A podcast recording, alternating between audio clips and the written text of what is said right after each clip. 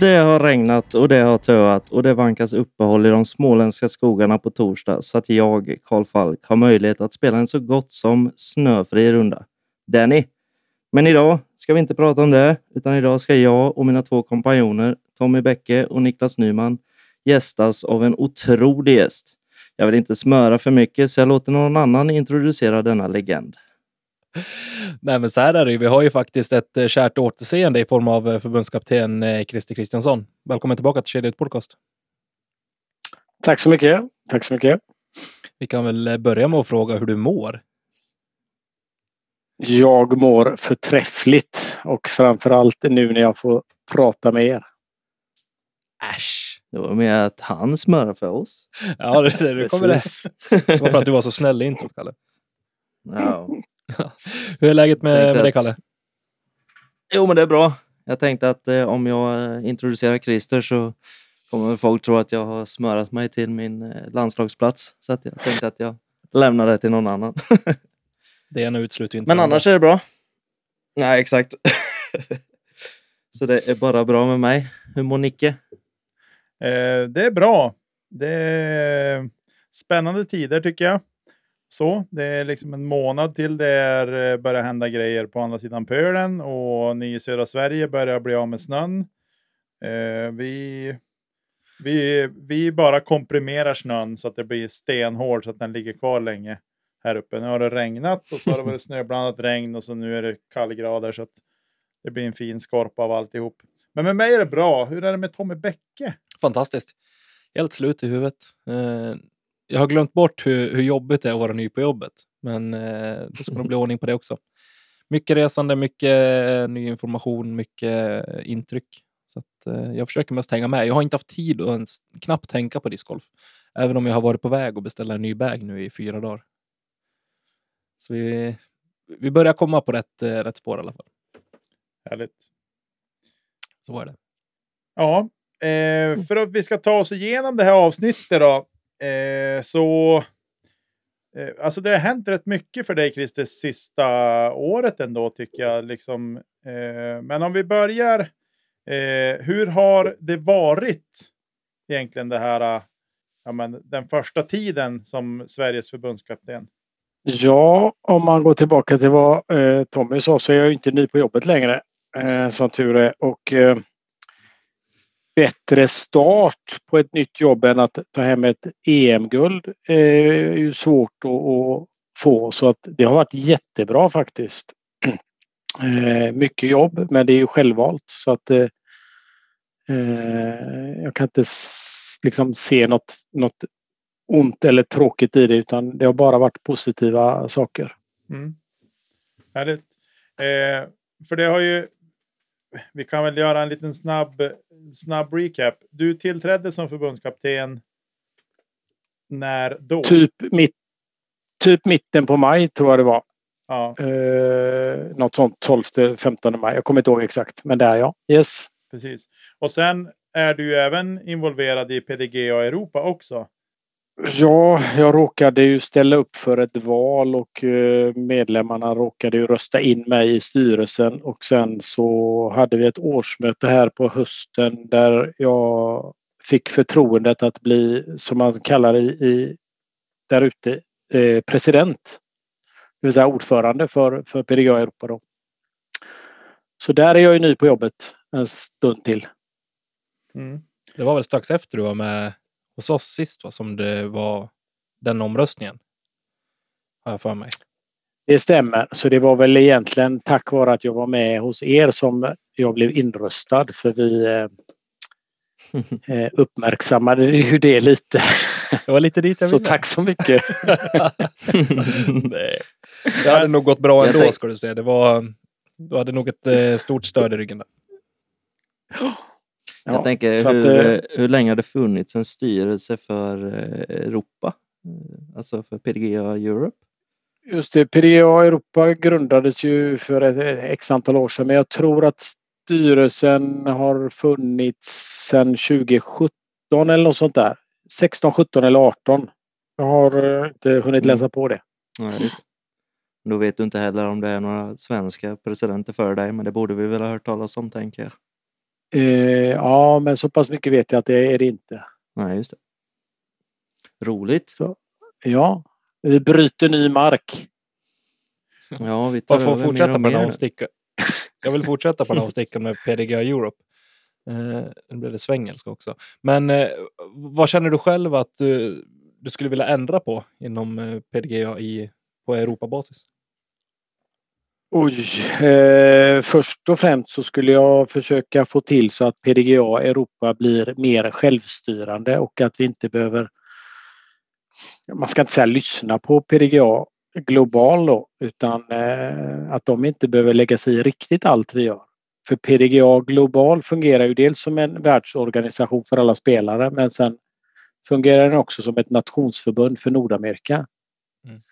Eh, jag skulle vilja att de tog ett större ansvar för den nordamerikanska scenen officiellt och eh, kanske hade en annan styrelse som var PDGA Global som tittar också på vad gör man i resten av världen. Eh, så mycket av det försöker jag se hur vi kan komma till. Att vi inte ska ha deras inblandning på samma sätt. Men det betyder alltså att Tommy har inte varit ute och cyklat i sin ilska mot PDGA i stort när det har varit centraliseringen kring USA från PDGAs sida, utan kritiken är befogad alltså. Helt riktigt. Eh, och det tycker jag PDGA inte har varit tydliga med. Att förklara för medlemmarna att de är två organisationer. Eh, jag vet ju om det och många vet säkert om det men det är inte så tydligt som det borde vara. Det, Det såg man bara till exempel nu eh, hade de ju inför det nya året så kunde du värva nya medlemmar och vara med i någon, eh, något lotteri för att vinna priser. Det gällde bara om du var bosatt i Nordamerika för det gällde bara den nordamerikanska, om man säger det, nationsförbundet då. Mm. Det här kom som en nyhet för mig också. Ja, för det är ju, det märker man, alltså när man förnyar sitt medlemskap så finns det där att man kan kryssa i om man vill ha något så här typ Disc Golfers Magazine eller någonting. Och där står det ju att det gäller bara de som är boende i USA och Kanada. Eh, vilket man på ett sätt kan förstå och samtidigt tycka att det är lite beige att det är så. Det borde i sådana fall vara för de som är liksom boende i USA att det hellre är att det kan hanteras på ett annat sätt än att det är så tydligt på så blir en exkludering av övriga världen. Eh, men man tycker att det borde kunna finnas liksom så här att man kan få någon sorts nyhetsbrev eller en pdf eller vad som helst. Liksom. Det kan inte vara ett problem att lösa tänker jag. Om man nu vill ha den, vill säga. Så är det och som, eh, som internationell medlem kan man ju då prenumerera på den för en extra kostnad på inte vet jag 30-40 dollar har jag för mig att det är. Och eh, de nordamerikanska medlemmarna betalar väl en liten högre avgift än vad vi gör och sen så vet jag också att de har någon typ av annan sanction fee för tävlingar eh, om du inte är medlem. Alltså det är lite annorlunda för dem och Frågar de amerikanska spelarna, gemene man, så tycker de att vi i Europa har det mycket bättre än vad de har det. Att vi kommer undan för billigt. Medan om vi frågar de europeiska spelarna så tycker vi att vi får ju ingenting. Vad gör de för oss? Mm. Och det handlar om eh, otydlig kommunikation tycker jag. Och det ska vi försöka ändra på då. Tror du att det är därifrån, om man säger, det är inte bara jag som kanske har uttryckt eh, missnöje med PDG och hur de hanterar situation till situation. Eh, men tror du att det är där det liksom stora missnöjet ligger i just misskommunikationen utåt eller att det är otydligt? Och vad, vad kan man förvänta sig från er som europeisk spelare framöver? Tror du eller hoppas du? Eh, jag hoppas ju då att, att PDGA, den globala delen av PDGA ska, ska skicka, om man nu säger informationen till mig då eller till PDGA Europa så att vi kan distribuera informationen på ett säkert säkrare, ett bättre sätt till de europeiska spelarna helt enkelt. Mm. Eh, sen ska man väl inte gå in på vilka personer som sitter i, på viss, vilka positioner och sådär men jag tror att det historiskt sett i PDGA har varit kanske ibland inte alltid rätt man på rätt plats.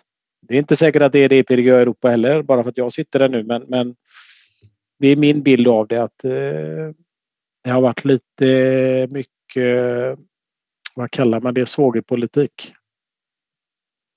Det är lite det som Men, eh, har speglats utåt också, eh, speciellt ja, de senaste åren. Eh, där missnöjet Mm. kanske har uttryckts starkare eh, med hjälp av vissa spelare också såklart, men eh, framförallt med hjälp av sociala medier.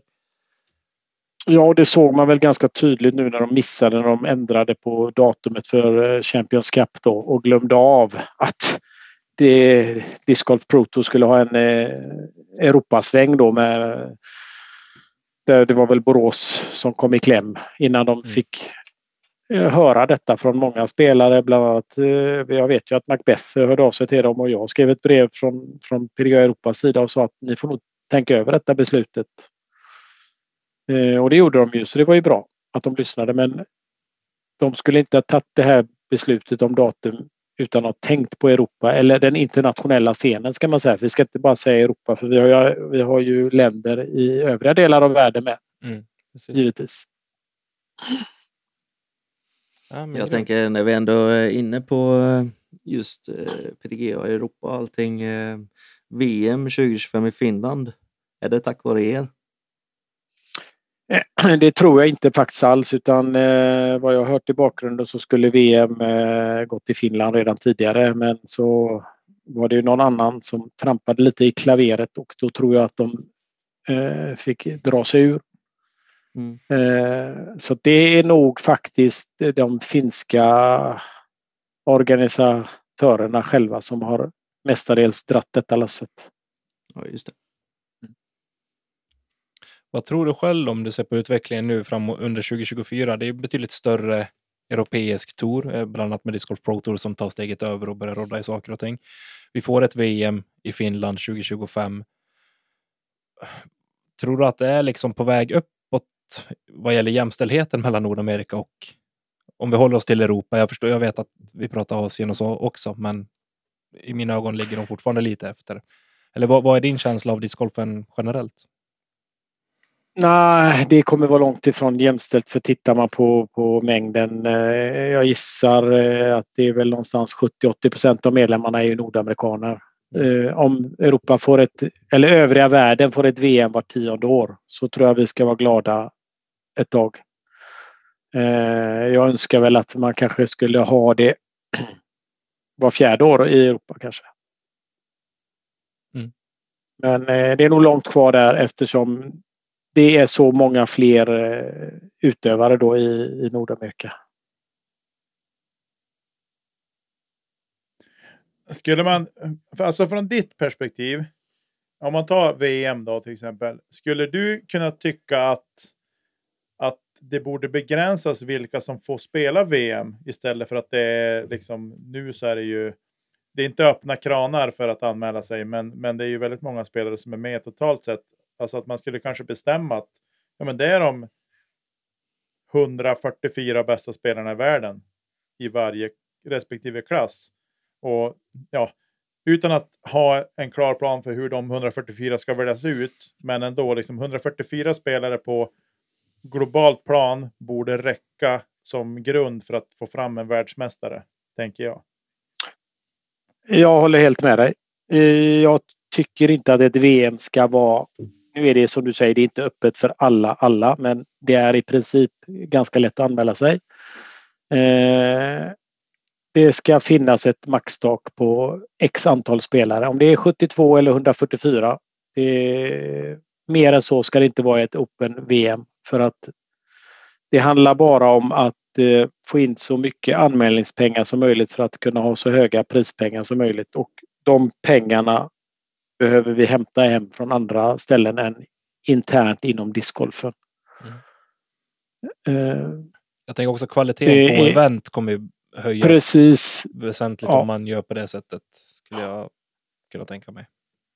Ja, sen hur många det ska vara i varje klass och exakt vilka kriterier, det vet jag inte. Men det ska finnas eh, någon slags eh, ramar för... Det kommer bli mycket enklare att organisera en sån tävling.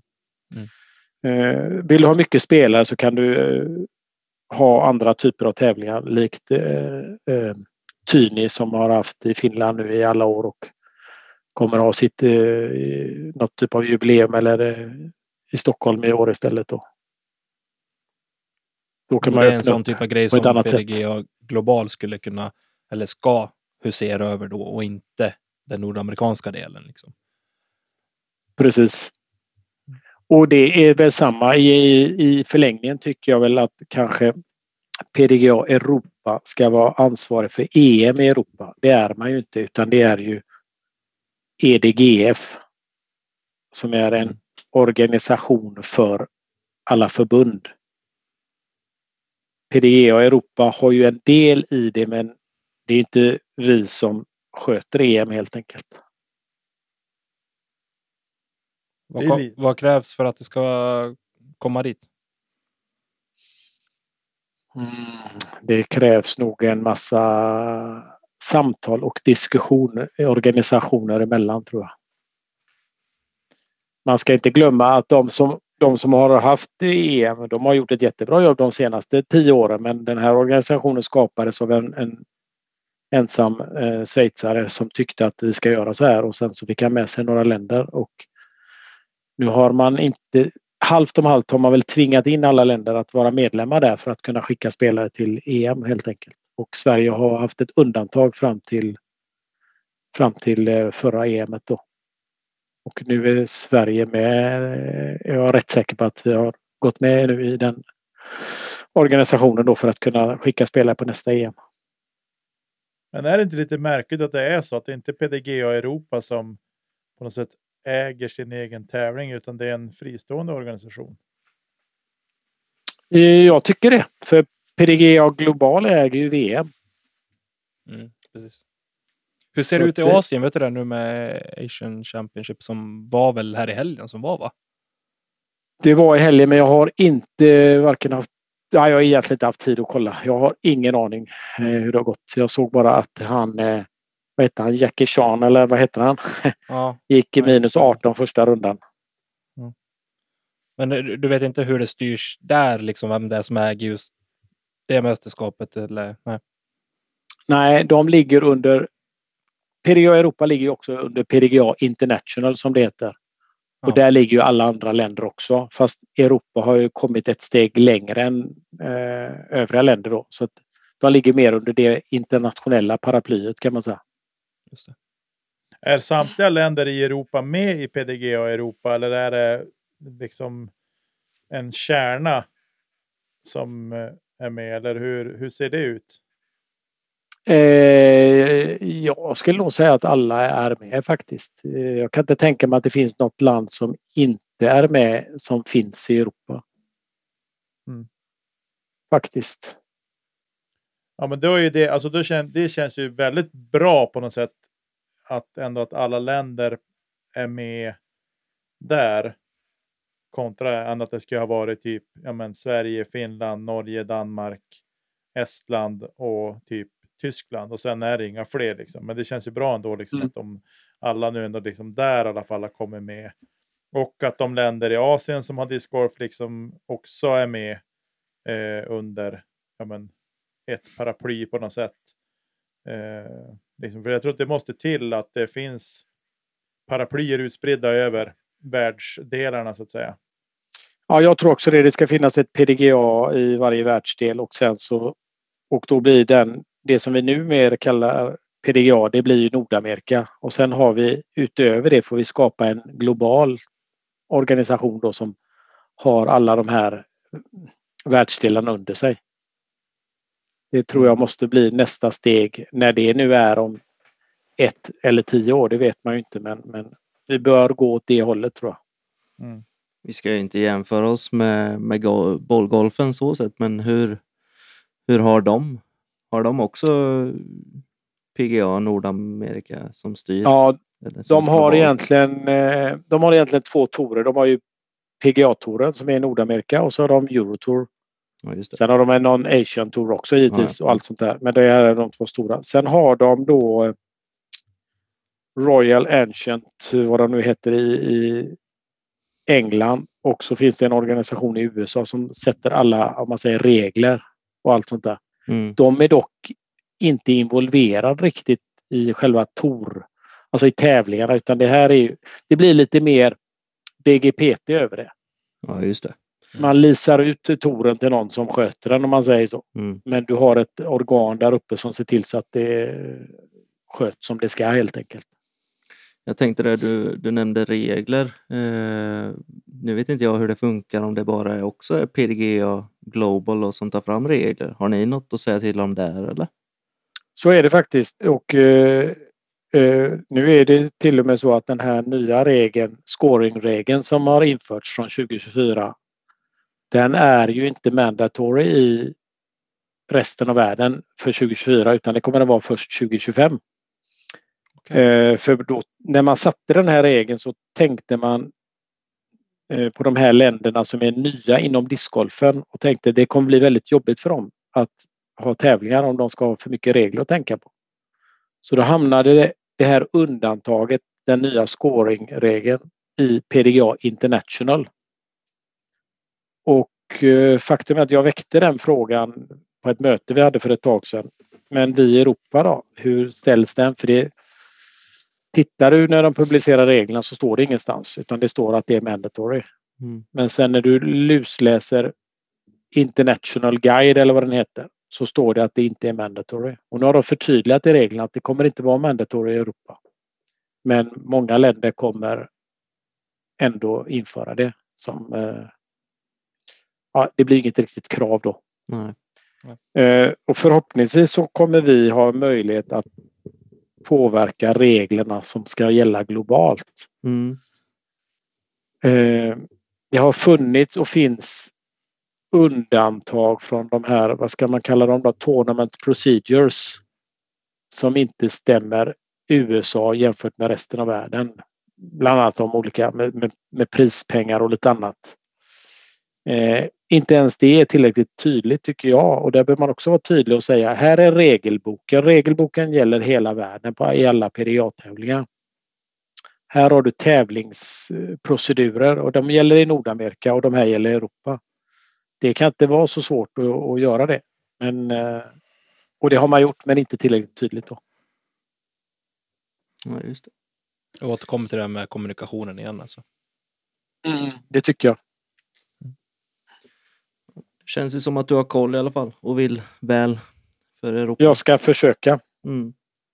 Ja, det känns som att jag har blivit betydligt klarare med hur saker och ting är upplagt och hur det har eller hur det fungerar och, och så där, vilket är någonstans lite skönt också, för det skapar en förståelse åt trångsynta lilla mig. Det finns en, det finns en, det finns Men en en, acceptans, det finns inte, det kan jag säga. det finns en orsak till ditt förhöjda blodtryck. Så, Ja. fått klarhet. Tänker du ha massa material till nästa vecka när du kommer spy alla över hela avsnittet? Nej då. Det, Nej. det är bara att man, man får lära sig vem man ska prata med för att ta reda på saker och det är tydligt nu. Precis. Ja, men intressant. Det vart ett litet sidospår på PDGA Europa. Jag förstår inte varför han som gjorde körschemat har missat den biten, men så kan det vara. Jag sa att det var påbörjat, inte klart. Nej, precis. Det är korrekt. det har ju varit så lite till och från här sista tiden. Men eh, väldigt intressant och eh, jag tycker att vi får ju så lov att följa upp det här eh, framöver också, liksom, när det kommer saker som liksom kommer från ert håll, att vi kan prata med dig Christer. Liksom, inte alltid kanske vara med i podden om det inte passar, men att vi kan få en skrivelse som vi kan liksom, ta vid och prata kring i alla fall om det är så. Eh, men jag tänker vi hoppar in på det som var kärnan till det här avsnittet. Liksom, om vi börjar med EM 2023 som vi pratade om i somras när vi hade med dig. Då jag för övrigt satt i en bil på en parkeringsficka och spelade in. Det var intressant. Eh, men eh, Just det, du var ju på semester. Ja, jag var borta på semester. Ja, men ta oss igenom eh, liksom, hur det var alltihopa. Du får göra en lång historia av det här känner jag. Liksom. Eh, hur det var att spela och vara förbundskapten samtidigt och, och sådär. Eh, ja, och lite reflektion och sådär. Vi kan börja på master. Det var ju en ynnest helt enkelt att få göra detta. Så kan man säga. Eh, från början var inte tanken ens att jag skulle åka till Tallinn som ledare för att det passade inte in i mitt semesterschema. Eh, men så blev det så och då har jag också en snäll fru som pressade lite extra och sa att det är klart du måste åka på detta. Den veckan kommer jag aldrig glömma tror jag för att det var jättekul. Jag har, det är första gången i mitt liv jag åker på en discgolftävling utan att tävla själv. Aldrig varit åskådare på det sättet. Och nu var jag inte ens åskådare, nu var jag ledare men jag har på sin höjd åkt upp på någon tävling eller åkt förbi någon tävling och gått med fyra, fem hål. Så att bara det var ju en fröjd att vara på banan halv åtta på morgonen. Om vi nu pratar Estland då eftersom den var först. Försöka putträna lite en halvtimme för att sen följa första svenska spelaren som ofta gick ut vid kvart över åtta, halv nio beroende på resultat. Eh, gå med några hål, gå tillbaka, följa nästa spelare och hålla på så hela dagen tills jag var tillbaka på hotellet kanske vid nio tiden på kvällen. Eh, vissa, spel, vissa spelare fick givetvis lite mer tid än andra. Vissa fick väldigt få hål med mig i, i på ryggen om man säger så. Eh, det är ju lite synd för man kan ju tyvärr inte dela på sig. Men eh, sen kröntes ju det med en extrem framgång givetvis. Både i, i singelspelet där Dennis eh, tog guld och sen även i pargolfen där vi tog eh, eh guld och brons genom eh, Linus och Josef guld och så var det väl, får jag inte säga fel här, men det var väl Gustav och Hugo som tog eh, bronset. Va? Då hade jag också sagt till innan att inte Denka skulle få spela pargolfen för att jag sa kvällen innan finalrundan att du kommer ju ändå vinna så då kommer du inte kunna ha eh, fokusera på söndag när det är pargolf. Då ska du njuta istället. Eh, tyvärr satt jag på flyget hem själv under själva finalrundan. Men den, det stödet som, som Denka fick under den rundan av övriga lagkamrater och det är ju helt eh, fantastiskt egentligen vilket lag vi har och vilka människor som är med i det här laget. Mm. Det är lite roligt när du just nämner det där om eh, lag. Eh, jag vet inte, vi kommer säkert eh, prata om eh, talanglägret sen också, men just att vi fick höra från finnarna att de verkligen uppskattade den sammanhållning som Sverige verkligen har. Och det visades Precis. ju väldigt tydligt på EM. Även norrmännen hörde jag var lite, om man kan säga, avundsjuka på svenska gemenskapen mm. då. Sen gjorde jag inte saken sämre. Oh, ursäkta. Vad sa du? Jag såg bara att det syntes eh, genom datorskärmen där jag satt och kollade också. Det var Precis. fint att se. Eh, ja, sen var ju inte saken sämre än att vi skulle försöka arrangera en spelarmiddag. Eh, som eh, jag råkade leta upp en restaurang på nätet som såg väldigt trevlig ut och jag gick dit och bokade och med tanke på de långa dagarna var jag lite trött. Jag får för, försöka försvara mig med det. Men när vi väl sen gick till den här spelarmiddagen som var då eh, kvällen innan finalrundan så möts jag av en stor röd skylt på dörren när jag och Denka och eh, någon mer kom på slutet. Då stod det ju att det var en sån här eh, Ja, nu har jag tappat ordet Kalle, men vad var det för Jag var restaurang? inte med så jag vet inte. Borde du veta? Har, du, har inte du hört det? Jo, nu kommer jag på namnet. Det var ju en sån här Guide Michelin eh, restaurang. Som vi råkade gå in på. Så det fick de smaka på faktiskt. Det var ju väldigt trevligt. Det kan jag tänka mig. Eh, ja, Sen var det ju givetvis en ynnest att få spendera massa tid på banan med alla spelare och både i med och motgång. Och det är alltid lättare att gå med någon som, som, där det går bra då. Eh, att man skulle spelat in Denka allt han sa, allt bra han gjorde och hur lätt det var i hans ögon under de här fyra dagarna. Och gett till kanske de här spelarna som vi själva ibland hamnar i när det går dåligt. Och lyssna på ett sånt band så förstår man att det inte är så himla svårt när, när man är mentalt stark som han var då. Eh, sen så åkte jag hem och packade om och drog till Ungern istället då som eh, spelare. Och skulle väl också vara någon slags coach där också. Eh, och då åkte jag ju med Mastersgänget och eh, de sa direkt att försök nu att fokusera på ditt så ska vi nog försöka klara oss själva. Och eh, jag hade ju en ambition och ett mål att vinna EM och framförallt inte komma hem utan medalj. Så egentligen borde jag inte kommit hem eftersom det inte blev någon medalj av, för mig själv då. Jag kom ju fyra och var eh, väldigt besviken och har analyserat detta i efterhand givetvis varför det gick som det gick. Och eh, det var nog som ni var inne på att det kanske är svårt att fokusera på sig själv och på ett eh, lag med en massa andra individer. Det trodde inte jag att det var men eh, jag tror träningstiden innan EM blev bristfällig helt enkelt. Så fokuset försvann lite omedvetet från min egen tävlingsprestation och istället blev fokus mer på hur mår alla och hur går det för alla. För EM totalt sett var ju kanske Sveriges mest framgångsrika EM sedan eh, 2007 eller vad det var Mattias Nilsson på förbundet sa. Med antal medaljer.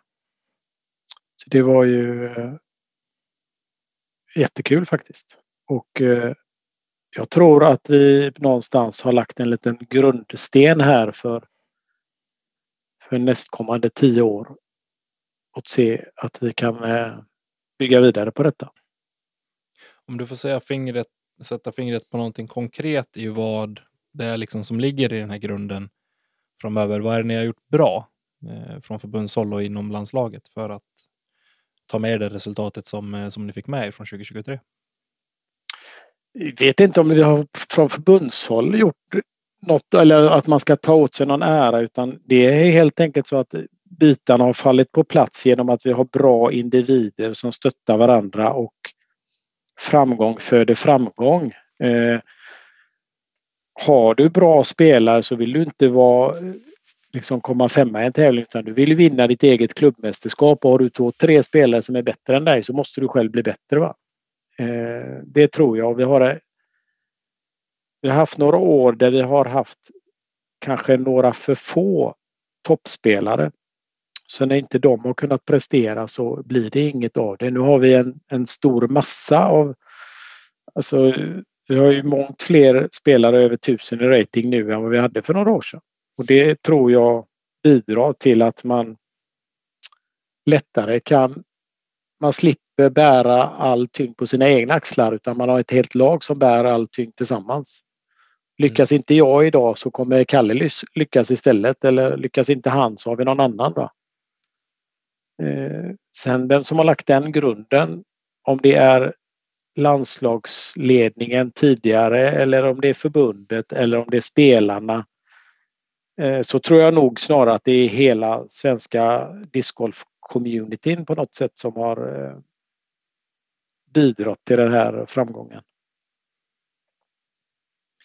Men precis som du är inne på, vi hade en väldigt stor framgång på det samtidigt som jag kan tänka mig att det fanns spelare som var besvikna över sin egen prestation också. Hur yttrade sig det här liksom i gruppen och hur togs de om hand? Du var inne på att, de var, att det har varit en bra sammanhållning och så där, men fanns det tid att processera det för spelarna själva liksom, eller hur, hur gick det till? Eh, det var några som det gick något tyngre för om vi nu tittar på framförallt eh, EM i Estland då. Mm. Och eh, eh, jag tycker att utan att nämna någon så de flesta klarade av att processa detta eh, både själva och med hjälp av mig och sina lagkamrater. Eh, alla fanns där för varandra på något sätt. Visste de andra att någon hade haft en tuff dag så togs den personen om hand på ett litet annat sätt på, efter rundan. Och, eh, så det tycker jag nog att laget tillsammans löste. Och det är väl det som är så fint. Jag menar yngsta spelaren, om man bortser från juniorerna då, var väl kanske 20 år eller någonting och den äldsta var väl Henrik Hagman som är något äldre i varje fall och lite mer rutinerad. Eh, så då kan man hjälpa varandra. Det svåraste var ju både för mig och för övriga spelare där det fanns några få som kanske hade, där det knöt sig så mycket så att vad du än sa så, så gick det inte riktigt in. va. Mm. Då kände man sig också lite frustrerad som, som när man ska hjälpa till och inte, det, liksom, det finns inget att göra just där och då. Och det har vi, jag har pratat med, med berörda personer om detta i efterhand då. Och hur ska vi kunna i framtiden ta hand om detta när det händer igen? Mm. Och hur ska de lära sig att uh, processa sina egna känslor då för att inte hamna i den spiralen? Där har vi gjort en liten uppdelning i, i landslagsledningen då där jag och Mattias Nilsson och eh, Johan Sleman sitter. Vad vi själva brinner för och vad vi tror att vi kan hjälpa till med. Då, och då försöker jag eh, hjälpa till med den mentala biten mest då. För det är där jag tycker att jag eh, kan bidra mest helt enkelt. Men svårt att dra den parallellen tillbaka, du nämnde det här med att man skulle ha spelat in Denka under finalrundan för att få det här positiva. På samma sätt tror jag att det är en väldigt nyttig feedback för en spelare som kanske har tuffare att, processera en sämre runda eller en sämre tävling mentalt, att faktiskt få den, den hjälpen och den feedbacken för att någonstans själv kunna på rätt sätt ta emot det också, liksom kunna bli bättre i den, i den typ, delen av spelet som det ändå är eh, och så pass viktig som den faktiskt är. Ja men så är det. Den mentala biten är mycket viktigare än vad vi tror. Eller vi kanske redan vet om att den är viktig men vi, vi är för dåliga på att träna den. Mm. Eh, du kan inte bara läsa att du borde göra så här när det går dåligt eller du ska göra så här när det går bra. Är du inte van vid att ta hand om de här känslorna så kommer det inte funka när du tävlar heller. Men jag menar, jag försökte ju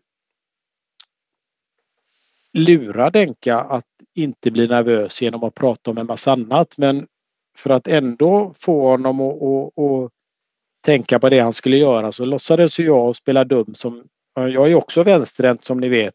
Och Denka, hur tänker du som vänsterhänt på det här hålet? Och då han sa, då gör jag så här, jag kastar den här eh, midrangen med lite heiser, sen går den upp och lägger sig plant, sen flippar den över lite så bara glider den in där mellan träden och så lägger den sig under korg.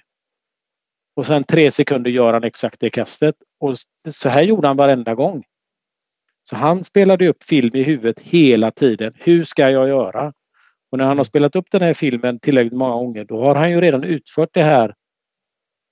Hjärnan tror ju att han har gjort det här kastet tio gånger. Så när han ska göra det den elfte gången som är, egentligen är då den första gången i praktiken så är det inga problem. Så om vi kan börja lära oss att tänka så jämt så kommer det här vara inte superenkelt, men det kommer vara så mycket enklare. Visualisering på högre nivå än vad man själv är ja. van vid. Precis. Jag brukar alltid tänka att jag ska köra från polisen tio gånger innan jag gör det. Nej, så får man inte göra. Så får man inte säga. Nej, men jag tänker för dig, Christer, jag, jag tycker att det här är superintressant med den här lagkänslan som vi har pratat om, eller du har pratat om. Eh, liksom att den är så fin och liksom, jag såg ju när Denka tog guldet, liksom alla dit, det var en stor klunga, de kramade varandra, de var jätteglada, det var glädjetårar och allt vad det var. Och det enda man hörde var Hagman. ja, nej, men, det jag vill komma till, just det här, de, de spelare som hade det tyngre under EM, hur svårt är det att på något sätt jag ska säga, jag säger trösta för att det är ett enkelt ord att använda. Att trösta spelaren, men samtidigt ändå behålla någon sorts, vad ska man säga, kravställning så att man inte blir lite för bekväm i det där att liksom, ja, men det är härligt att vara med. Men ändå att kravställningen finns kvar på att ja, men du är här för att du ska prestera också. Du är i landslaget. Hur svårt tycker du det är att liksom inte bli, alltså man ska vara omtänksam, men man ska hålla det på en vettig nivå. Hur svårt tycker du det är? Liksom just när det är landslagsnivå och det är så få tillfällen ändå sett över en säsong som man är i landslagsuppdrag på det viset. Eh, supersvårt faktiskt. Eh, och det handlar mycket om att, tror jag i alla fall, att vi tidigare i landslaget inte ställer några speciella krav på landslagsspelare. Utan du blir uttagen i landslaget, varsågod, här har du en plats. Vi kräver inte så mycket tillbaka. Det är också en process som vi försöker titta över att kanske förändra. Och krav kanske är fel ord men att man vill ha någon någon typ av motprestation från spelaren som är med då. Och eh, nu hade jag, jag tror att jag bemötte spelare på lite olika sätt beroende på vad jag själv hade satt för in, krav på dem inför EM. Inte ett uttalat krav utan ett krav som jag hade skrivit i min lilla bok. Okej, okay, Linus Karlsson. Det här är vad jag förväntar mig av honom. Och sen ställde jag väl det i relation till om jag läser dig rätt nu, Christer, så behöver inte det vara resultatmässigt utan... Precis. Det, ja, det handlar om mer än bara ett resultat givetvis. Men mm. som Nicke säger, alltså det är supersvårt att vara tillräckligt tydlig och klar i med att du är faktiskt landslagsspelare. Eh, samtidigt ska man trösta och vara ödmjuk och generös och det gör inget, det kommer nya chanser. För det måste man också ha. Eh, där har jag säkert en del att lära men det får andra svara på tror jag. Men jag tycker det är jobbigt och svårt i vissa lägen. Det är lätt mm. att trösta någon som lyssnar eller lättare att trösta någon som lyssnar där du får lite respons. Du märker att det går fram det du säger än någon som liksom du, jag kan, man kan ju själv bli sån att man blir helt avskärmad. Det spelar ingen roll vad du säger. Det går inte in. Va? Det är svårt. Mm. Men Kalle, du som är, du är ändå i de där i landslaget. Liksom. Eh, mm. Vad tänker du i det här? Liksom, att om vi säger att du har haft en riktig skitrunda eh, och är frustrerad och sådär. Liksom, hur, hur balanserar du det? För men det landar ju någonstans inte bara på att Christer som, som förbundskapten ska ta hand om spelarna eller spelarna runt omkring någonstans det landar ju hos dig själv också, att man måste liksom kunna hantera, dels hantera känslorna, men också liksom hur bli tröstad och ta emot, eller tröst, ja, det känns, men vi använder det ordet i alla fall, men liksom att man får ja, man, släppa ut det man bär på på något sätt, men ändå behålla tävlingsinstinkten på något vis. Alltså att ha det. Mm, mm. Eh. Alltså, jag ska inte, vad ska man säga, jag känner ju att jag hela tiden utvecklas. Så att under till exempel 2023 så har jag haft runder där jag har jättelätt kunnat ta emot kritik eller tips och liknande när jag kanske inte har varit eh, superpositiv. Och sen har jag även haft runder där jag har de här skygglapparna på. Eh, så att det är svårt att svara på vad jag känner och tycker och allt sånt där just för att jag fortfarande försöker ha lärdom om mig själv, hur jag funkar. För att vi hade, nu kommer jag tillbaka till talangläget, men vi pratade lite om sådana här grejer där. Och så hade vi en, ehm, en lektion då eh, om just sånt här och så skulle man skriva ner, jag kommer inte ihåg exakt vad det var, men om det var en massa påståenden och man kände igen det här. Och så var det någonting som jag kanske tyckte att ah, men det här stämmer inte. Men sen så när jag pratade med Elina till exempel så påminde hon mig om Belgien. Och jag bara, ja just det. Så att det, är liksom, det har varit lite perioder under året där ja, men jag har nog varit på alla ställen. Och det är lite det som jag ska försöka träna på också under det här året. För att även det här med alla positiv, eh, allt positivt tänkande som Denka gjorde som du förklarade med att han visualiserar kasten och det. Det är ju, alltså jag har ju gjort alla kast och lyckats med alla kast någon gång. Så att jag ska ju kunna det, men det är ju någonting som sätter stopp och där får man ju då försöka att lära sig att hantera så att man kan lyckas flera gånger mot vad man misslyckas. Jag vet inte om det var svar på din fråga egentligen, men eh, det var det bästa du kunde Nej, men, det, nej, men den, jag känner själv att det är svårt att ställa frågan eh, så att den blir förståelig. Men jag tycker att ni har svarat bra bägge två. Eh, för jag tror att det är svårt liksom med prestationsbaserad idrott, eller all idrott är ju på något sätt prestationsbaserad, men just när, liksom, när det är på den här nivån att sådär, men, jag och Tommy kan ju ta runder när vi har varit och spelat, men det kan ju bara vara en kvällsdisk och man surar ihop. Liksom. Mm. Men vi Eh, stöttar ju inte varandra. Vi trycker ner varandra. ja, eller så är det liksom bara, ja, men du kan ju det här, men man gör det ju inte. Eh, på något sätt. Men vi är på en helt annan nivå. Men ändå, det är, liksom, det är intressant det här. För jag, jag själv stöter på det här nästan varje vecka med spelare, eftersom jag är innebandytränare, som blir låga. Men det gäller någonstans också liksom att ja, men, säga att ja, men du kan ju det här, men du har inte dagen idag. Liksom. Släpp Nej, det bara. Det kommer en ny träning snart. Och det är ju för att jag är på veckovis. Liksom. Men ni ska liksom ni kan ha en landslagssamling som är liksom under en vecka och sen åker ni iväg på ett EM eller ett VM eller vad det kan tänkas vara. Eller två veckor eller vad ni kan liksom så. Sen har ni träffar under året. Jag tänker att där är det som en annan sak att hantera de här bitarna. För, jag, för mig blir det lätt. Jag kan bara säga men det är en ny chans på onsdag när det är nästa träning eller nästa vecka. Eller liksom så, här, eh, så det blir som en annan sak. Men jag tycker att det är superintressant för det gäller ju att inte för, bli för, vad ska man säga, för blödig eller för, utan ändå behålla någon sorts eh, liten press eller vad man ska säga, eller liksom eh, krav mot spelaren så att det blir liksom, de ändå kan fortsätta prestera så att säga.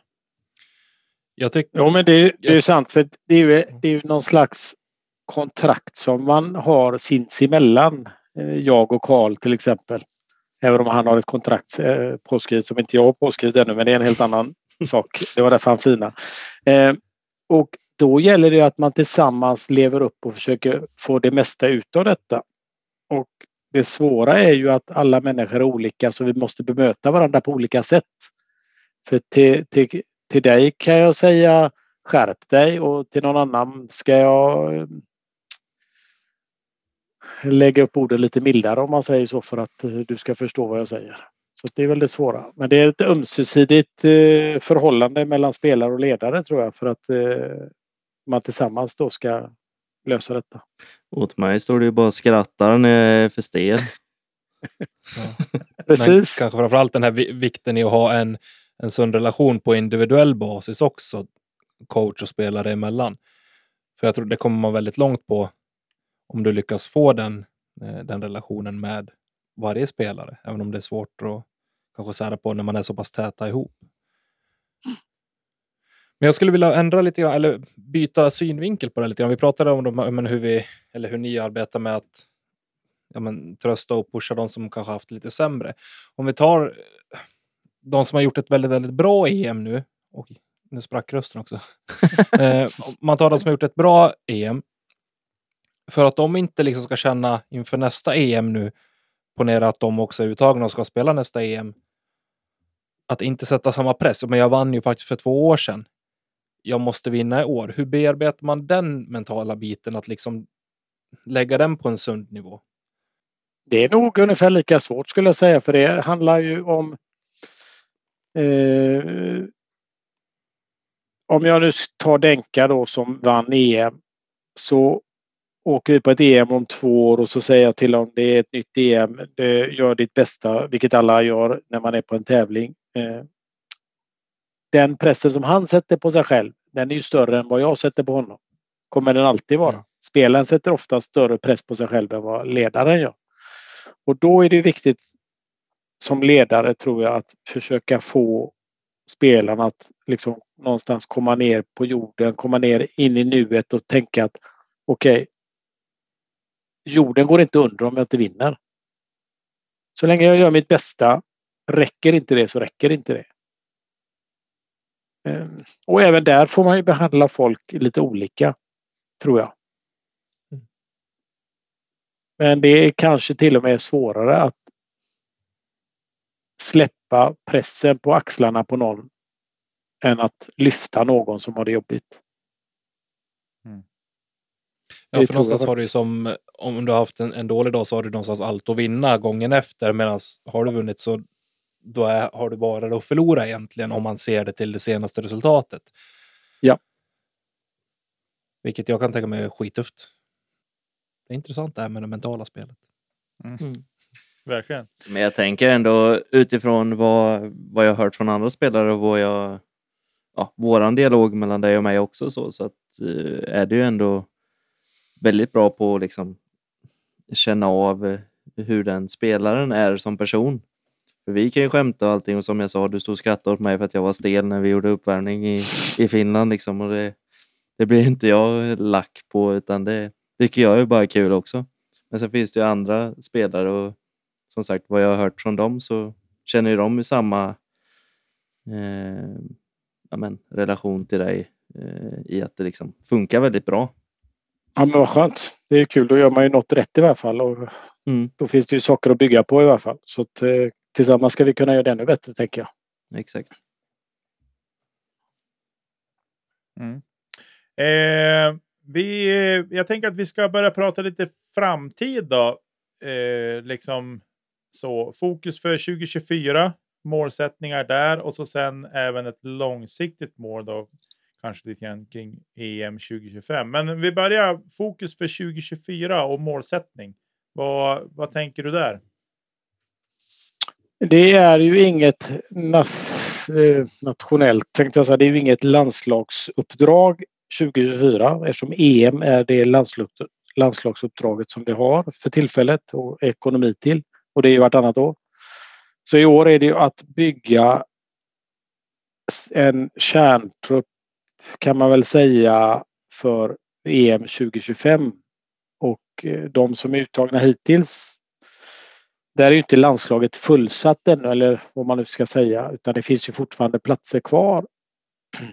Eh, tittar man i de åldersrelaterade eh, klasserna så är det knappt några spelare uttagna i landslaget 2024 i, i, i dem för att eh, när det väl kommer till EM 2025 så kommer många av de platserna tillsättas baserat på rating, alltså en individuell plats snarare än en Mm. nationsplats.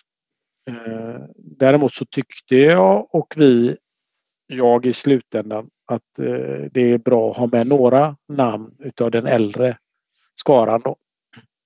Vad gäller Open, Junior och FPO då som jag också egentligen går under Open-landslaget så handlar det ju om nu att få till en, en stabil grund att stå på som EM förra året egentligen var. Vi har eh, många bra spelare och eh, ambitionen är ju att försöka stötta de här spelarna eh, ute i Europa och DGPT kommer ju en del av dem spela på. Eh, för att få dem att bli bättre och växa som både discgolfare och människa egentligen. För det handlar det också om. Det är ju en, en resa vi gör hela tiden. Eh, jag vet inte om det är allt för mycket flum men jag tänker är du en bra människa så kommer du också vara en bra discgolfare och lyckas lättare. Eh, om inte annat så kommer du ha lättare att få stöttning om det går dåligt för att folk kommer tycka om dig. Är du en dålig människa så kanske du får jobba mycket, mycket mer i, i, på egen hand och inte få dem. Det blir nog en tuffare resa helt enkelt. Men det är nog lite för mycket flum för att gå in på just nu kan jag tänka mig. Men, men min ambition är att finnas där för, för spelarna. Både de som är med i landslaget och de som, om man nu kallar det knacka på då, som är steget under som jag också har kontakt med. Om än just nu väldigt sporadiskt och jag idag skyllde jag på att det har varit hektiskt över jul och nyår. Men eh, det är inte hela sanningen utan ibland har man bara för mycket annat att göra helt enkelt. Eh, ja, det vart väl som en sammanfattning av alltihopa det där tänker jag. Eh, lite grann så. Men det är väl egentligen så här. landslagsspelarna som just nu ändå får kalla sig för landslagsspelare får någonstans bli ditt fokus under 2024 att kanske pusha, eh, driva på lite grann, kanske utmana lite grann också. Tänker jag, just för att de ska växa som, ja, men både som människa men även som spelare. Liksom.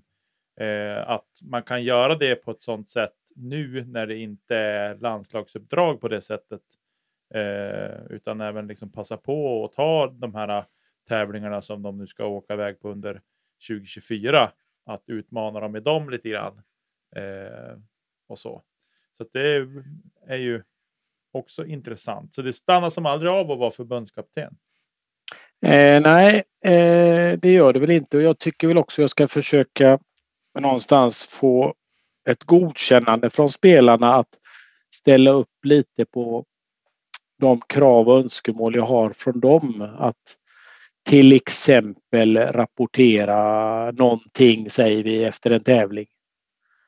För att den informationen, även om inte vi i dagsläget vet exakt vad vi kommer göra med den informationen så kan den bli en, någon slags bank av data och information för att i framtiden kunna stötta och hjälpa spelare när, när det går tungt. Eh, jag har smugit in lite sådana här önskemål till spelarna att eh, be dem fylla i olika typer av formulär vid olika tillfällen. Försöker också använda de här formulären och svaren framförallt eh, när vi pratas vid för att se hur det går. Det blir ju som någon slags omvänt betygssystem, tänker jag. Mm. Jag har hämtat hem en del där från eh, bollgolfen då eftersom jag har en, en, en bakgrund där och har även pratat med en eh, svensk Europatourspelare som ville lära sig discgolf. Då sa jag okej okay, om jag lär dig discgolf så får du lära mig hur en proffsgolfare tänker. Mm. Så är det. Bra utbyte, mm. tänker jag. Ja. Sen har vi ju några unga lovande stjärnor i Sverige som snart kommer blomma ut helt och hållet. Och de behöver vi inte säga, sätta några namn på för de är så unga många av dem så att eh, kan vi bara sätta onödig press. Men det ser lovande ut tycker jag. Ja, jag kan inte annat än att instämma. Det, det är resor som är fantastiskt eh, roligt att få följa med på oavsett om det är nära regionalt eller om det är via Instagram eller liknande så är det riktigt häftigt att se vilken eh, kvalitet de faktiskt besitter i så pass ung ålder. Alltså, jag är inte så ung. Nej. Skoja. Vi vet. Lite ah, okay. ödmjuk sådär. det är roligt ja, att följa ja. din resa också, Kalle. Neråt. Nej. Nej. Kul. Nej, du får sparken från podden om det är podden som är orsak till dina dåliga resultat. Har jag dåliga resultat? Nej, jag bara säger att om de kommer. Ah, okay, okay, okay. Senaste månaden har du inga dåliga tävlingsresultat vad jag har sett i alla fall. Nej. Exakt. ja. Exakt. Jaha. Nu då, Tommy Bäcke. Jag har fått eh, mer än vad jag tänkte att vi skulle få, så jag är eh, jätte, jättenöjd med eh, Christers eh, närvaro även denna kväll. Mm, jag också. Eh, jag tänker att vi avslutar väl lite så här, runda av den här timmen vi har fått prata med Christer. Har, du tyckte att det var en ynnest att vara på, på EM. Vi tycker att det var en ynnest att få ha med dig här i podden igen och vi hoppas innerligt att du vill vara med i framtiden också när tillfälle ges och så. Eh, jag tycker att det, vi blir lite bortskämda känner jag, liksom att vi får ha liksom förbundskaptenen på plats och att du så öppenhjärtigt på något vis berättar om det som har varit och liksom hur ni jobbar lite grann och så där. Så det tycker jag är fantastiskt roligt och jag tror att det uppskattas väldigt mycket av våra lyssnare också. ja, det är kul att höra och det är självklart. Kan jag svara på någon fråga via något textmeddelande eller vara med i podden så vet, du att, vet ni att det kommer jag alltid göra. Ja. Eh, jag tycker ni gör ett jättebra jobb och eh, det är ju discgolfen både i Sverige och i, och i världen som tjänar på, det, på det sådana här saker helt enkelt. Ja. Eh, det slog mig en sak nu bara så här som ploppade upp i mitt huvud. Eh, En klassisk sista minuten-fråga. nej, utan mer så här. Eh, att vi på. Nu ska vi se här. Nej, vi, det var 19, Nicke. Ja, I lördags. i lördags fyllde vi fyra år. Det är helt stört. Ja, det är sjukt. Grattis! Tack för det. Tack för det. Vi är rätt mogna för att vara fyra år. Men... Eller? Eller? Ja, nej. Vi sa ju Så. att vi hade några unga lovande talanger utan att nämna någon för att sätta för stor press på. Så att eh, det här kanske var en av dem. Precis. Precis. Nej, men eh, vi säger stort tack till dig Christer. Tack Kalle igen. Tack Tommy. Tack själv. Tack alla ni som lyssnar. Tack Emil och Marcus för jinglar och grafik. Tack till våra Patreons. Som faktiskt finns kvar. Det är helt sjukt. Ja, det, de är grymma. Eh, så. Och med de orden så säger vi tack och adjö för den här veckan. Vi hörs igen nästa vecka. Hej då! Hej då!